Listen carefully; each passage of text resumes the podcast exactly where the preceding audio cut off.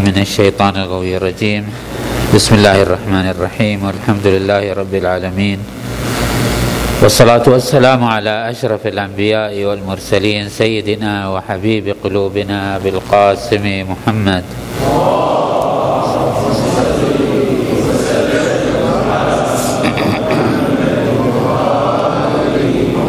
وعلى أهل بيته الطيبين الطاهرين المعصومين الميامين اللهم صل على محمد سيد المرسلين وخاتم النبيين وحجة رب العالمين. المنتجب في الميثاق والمصطفى في الظلال المطهر من كل آفة البري من كل عيب. المؤمل للنجاة والمرتجى للشفاعة. المفوض إليه دين الله. اللهم شرف بنيانه وعظم برهانه وافلج حجته وارفع درجته. اللهم اعطه نوره وبيض وجهه واعطه الفضل والفضيلة والمنزلة والوسيلة والدرجة الرفيعة وابعثه مقاما محمودا يغبطه به الأولون والآخرون. اللهم صل على محمد وآل محمد الأوصياء الراضين المرضيين بأفضل صلواتك. وبارك عليهم بأفضل بركاتك والسلام عليهم وعلى أرواحهم وأجسادهم. ورحمة الله وبركاته. ثم السلام عليكم أيها المؤمنون جميعا ورحمة الله وبركاته. قال عز ما قال في محكم كتابه الكريم بسم الله الرحمن الرحيم. إن قارون كان من قوم موسى فبغى عليهم وأتيناه من الكنوز ما إن مفاتحه لتنوء بالعصبة أولي القوة. إذ قال له قومه لا تفرح إن الله لا يحب الفرحين. وابتغ فيما آتاك الله الدار الآخرة ولا تنس ولا تنس نصيبك من الدنيا. وأحسن كما أحسن الله إليك ولا تبغي الفساد في الأرض إن الله لا يحب المفسدين. قال إنما أوتيته على علم عندي. أولم يعلم أن الله قد أهلك من قبله من القرى من هو أشد منه قوة وأكثر جمعا ولا يسأل عن ذنوبهم المجرمون. فخرج على قومه في زينته. قال الذين يريدون الحياة الدنيا يا ليت لنا مثل ما أوتي قارون إنه لذو حظ عظيم. وقال الذين أوتوا العلم ويلكم ثواب الله خير لمن آمن وعمل صالحا ولا يلقاها إلا الصابرون فخسفنا به وبداره الأرض فما كان له من فئة ينصرنه من دون الله وما كان من المنتصرين وأصبح الذين تمنوا مكانه بالأمس يقولون ويكأن الله يبسط الرزق لمن يشاء من عباده ويقدر لولا أمن الله علينا لولا أمن الله لولا أمن الله علينا لخسف بنا وكأنه لا يفلح الكافرون. تلك الدار الآخرة نجعلها للذين لا يريدون علوا في الأرض ولا فسادا. والعاقبة للمتقين صدق الله العلي العظيم. هذه القصص التي يوردها القرآن الكريم يستهدف منها بناء القيم والمفاهيم الإلهية التي تحكم هذا الوجود وهذا العالم. الله جل وعلا يعاقب بين يوالي بين الخير والشر وبين العطاء والمنع ليمتحن الناس ويقيمهم. ويضرب مثلا لهذا المعنى بقارون. قارون من بني إسرائيل. أحد أقرباء موسى عليه أفضل الصلاة والسلام نبي الله على نبينا وآله وعليه أفضل الصلاة والسلام. الآن في بعض الروايات أنه ابن عمه أو ابن خالته؟ على اختلاف الروايات. كان من قوم موسى فبغى عليهم وآتيناه من الكنوز. القرآن يقول نحن أعطيناه. هو سوف يأتي في طي الحديث أنه يقول إنما أوتيته على علم عندي. أتيناه من الكنوز ما ان مفاتحه لتنوء بالعصبه وللقوة. فقال له قومه لا تفرح إن الله لا يحب الفرحين. الفرح هو ما ينتج بطرا وينتج استعلاء وينتج فخرا وينتج آه، اعتقادا. إن الإنسان ليطغى أن رآه استغنى. هذا الطغيان هو ناتج عن هذا البطر عن هذا الفرح عن الاعتقاد بأن ما أوتيناه من عطاء إلهي هو بقدرتنا بإمكاناتنا بعلمنا بفهمنا بقدراتنا الذاتية. هذا هو الفرح المذموم. أما المؤمن فإنه حزنه في قلبه وبشره في وجهه. وابتغ فيما آتاك الله الدار الآخرة. ولا تنس نصيبك من الدنيا. هذه سوف نقف عندها وقفة مفصلة.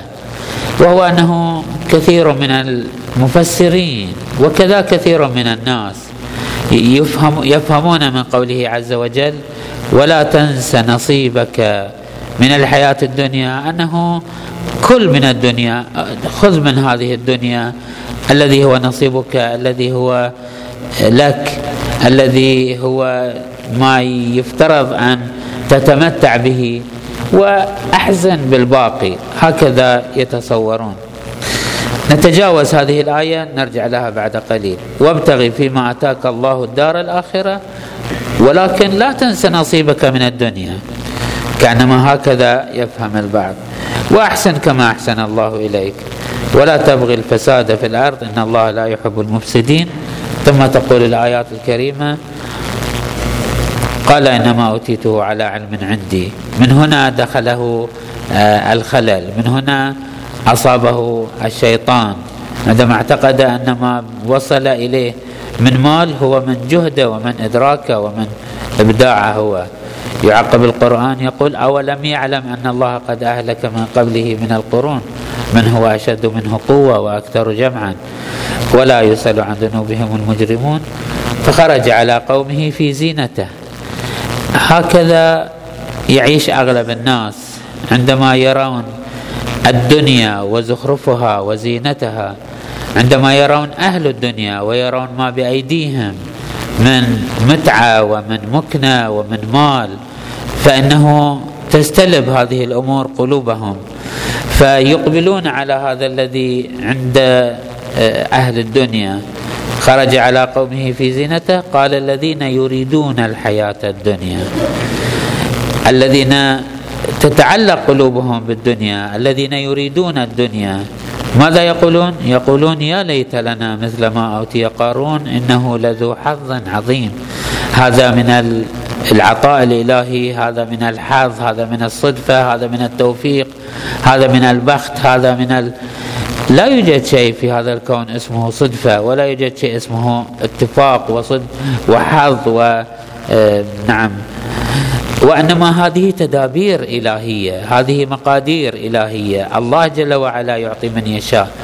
ولكن من يقول هذا الكلام؟ وهذا ما سوف نتحدث عنه أيضا بعد قليل. هذا من يتعشق قلبه بالدنيا من يتعلق قلبه بالدنيا من يميل إلى الدنيا. أما الذين يضبطون أنفسهم الذين يمسكون زمام أنفسهم قال الذين أوتوا العلم ليس إيتاء العلم هو مجرد الإحاطة بالأحكام الشرعية ليس إتيان العلم هو المعرفة والفهم. إتيان العلم أنه يعرفون الله وآياته وآياته وآلائه وأحكامه الذين يمسكون آه، مشاعرهم وأحاسيسهم عن أن تتفلت من آه، تدبيرهم يدبرون أعماقهم. هؤلاء هم الذين يعيرون الأمور تعييرا صحيحا يعرفون ما هو الحسن وما هو القبيح.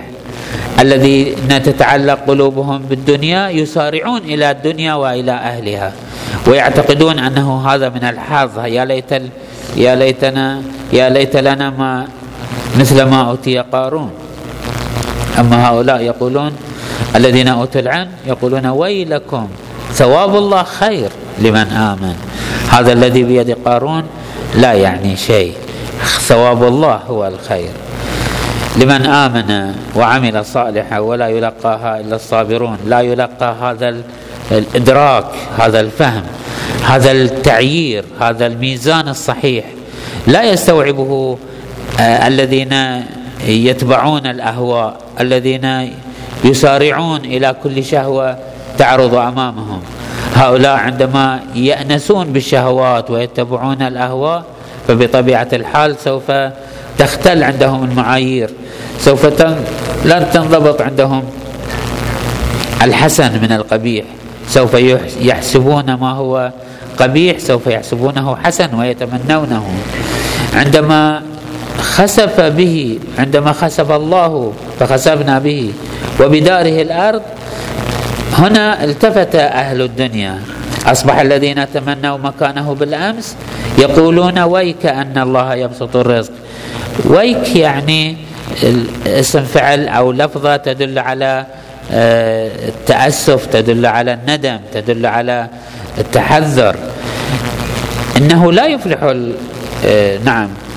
وأصبح الذين تمنوا مكانه بالأمس يقولون ويك ان ويك أن الله يبسط الرزق لمن يشاء من عباده ويقدر. لولا امن الله علينا لخسف بنا وكانه لا يفلح الكافرون. الكافر ليس سبيله إلى الفلاح. تقريبا هو هذه الأمور العامة التي نريد أن نبينها في هذه الآية. نرجع إلى ما تجاوزناه عندما قلنا في هذه الآية الكريمة وابتغي فيما آتاك الله الدار الآخرة ولا تنس نصيبك من الدنيا. لا يزال الرغبة في الدنيا والتعلق بها هي تجر الأفهام. إلى الاعتقاد بأنه لا تنسى نصيبك من الدنيا يعني خذ من الدنيا ما هو نصيبك. لا يفوتك بعض الملذات وبعض النعم وبعض لأنه هو هذا نصيبك من الدنيا. في الوقت الذي عندما نلاحظ سياق الآيات القرآنية هي في سياق واحد. هذه الجمل الثلاث في هذه الآية آه، متعاونة وتؤدي نفس الغرض. يقول الله عز وجل وابتغي فيما آتاك الله الدار الآخرة. هذه الأموال هذه النعم هذه المكنة التي أعطيتها استثمرها في دار الآخرة. استنفذها فيما هو خير لك. وجهها في متاع الآخرة. لا أن تستنفذ ما آتاك الله في هذه الدنيا وتأكله. ولا تنسى نصيبك من الدنيا هو هذا نصيبك من الدنيا. نصيبك من الدنيا هو ما تذخر به في لآخرتك. ليس لك من دنياك إلا ما أكلت وأفنيت ولبست فأبليت وتصدقت فأبقيت. هذا الصدقة هي الباقية. أما ما تأكله فقد فنى أما ما لبسته فقد تلف. إنما يبقى لك هو ما تتصدق به ما تقدمه لآخرتك. وأحسن كما أحسن الله إليك هو أيضا هذا الفصل الثالث بنفس المعنى أنه ما أتاك الله من مال كما أحسن الله إليك بأن أعطاك هذا المال أحسن بأن تتصدق بأن تفعل الخيرات بأن تبني به آخرتك.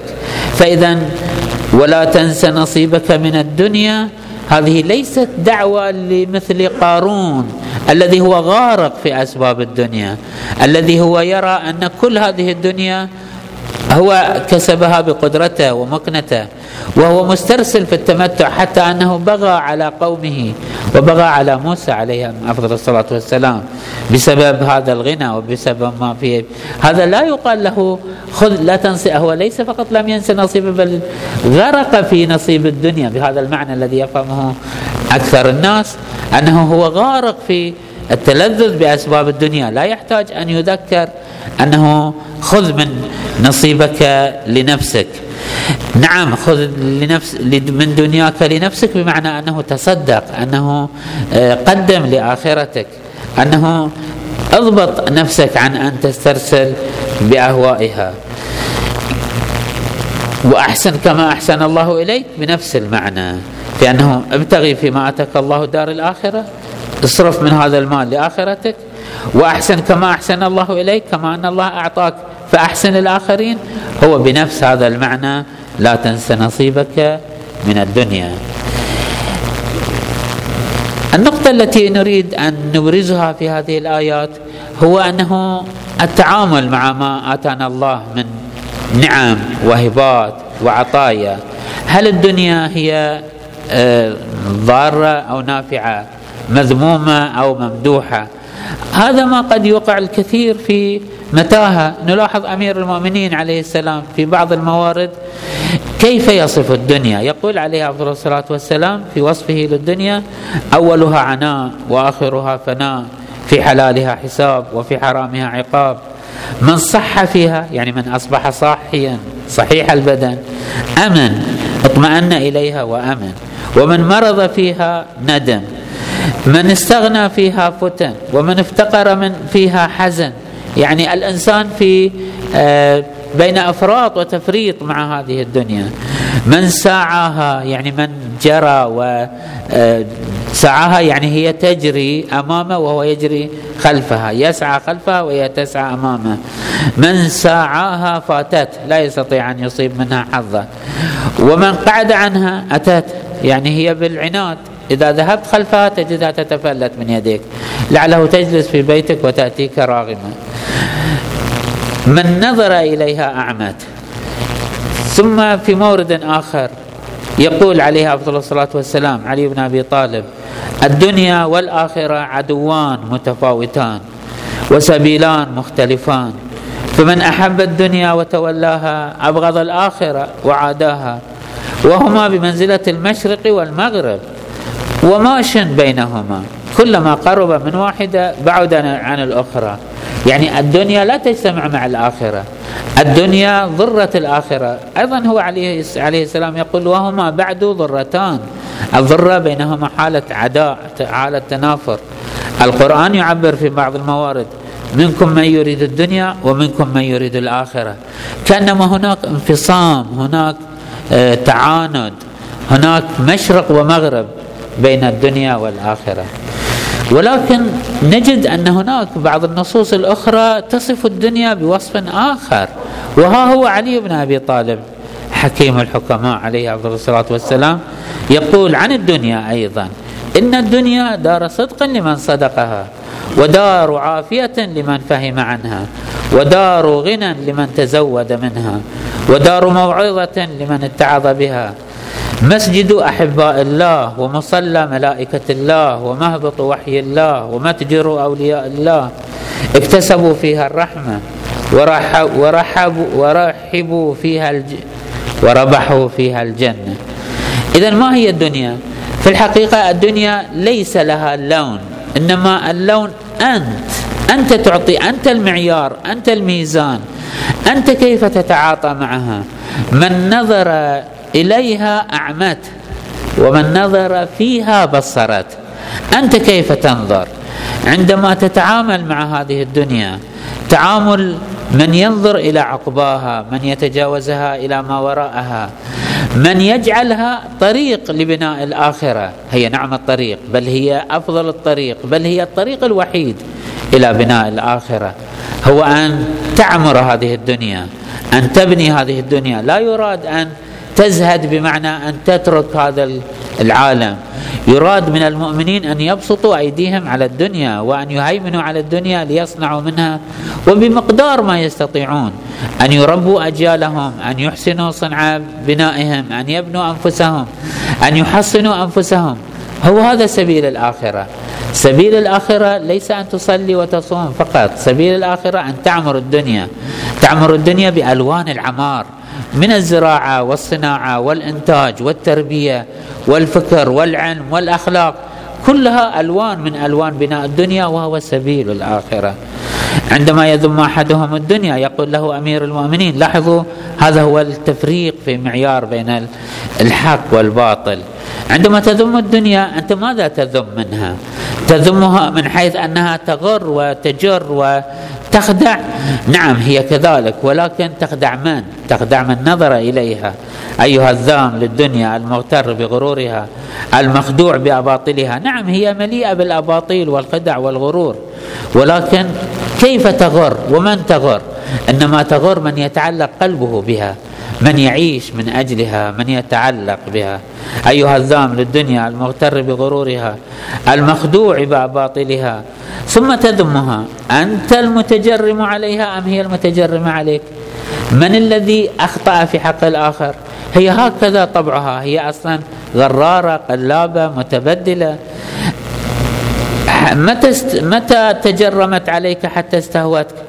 أو متى غرتك بمصارع آبائك من البلاء بمضاجع أمهاتك تحت الثرى؟ انظر كيف صنعت بآبائك وأمهاتك. هي ستصنع الموعظة تصنع العبرة تصنع الهداية. تثير في نفس الإنسان الواعي الهداية والصلاح. ولكن إنما يقع في براثنها من اعتقد أنه إنما اوتيها بقدرته ومكنته. اذا التعامل مع هذه الدنيا عندما يكون تعامل الواعي تعامل العاقل تعامل العالم العالم ليس بالضرورة أن يكون مثقف مطلع قارئ. نؤكد هذا المعنى كثير. العالم يعني أن يكون قد آه، قطع اوتاد الأرض من قلبه. قطع علاقة قلبه بالأرض.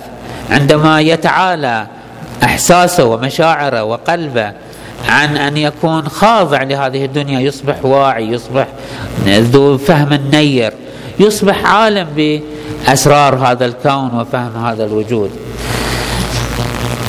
أخيرا أقول أنه في هذا الخضم لله عز وجل في تدبيره لهذا الكون لطفا وعطفا بعبيده الذين الذي يعلم عز وجل أنهم كثيرا ما ينجذبون إلى هذه الدنيا.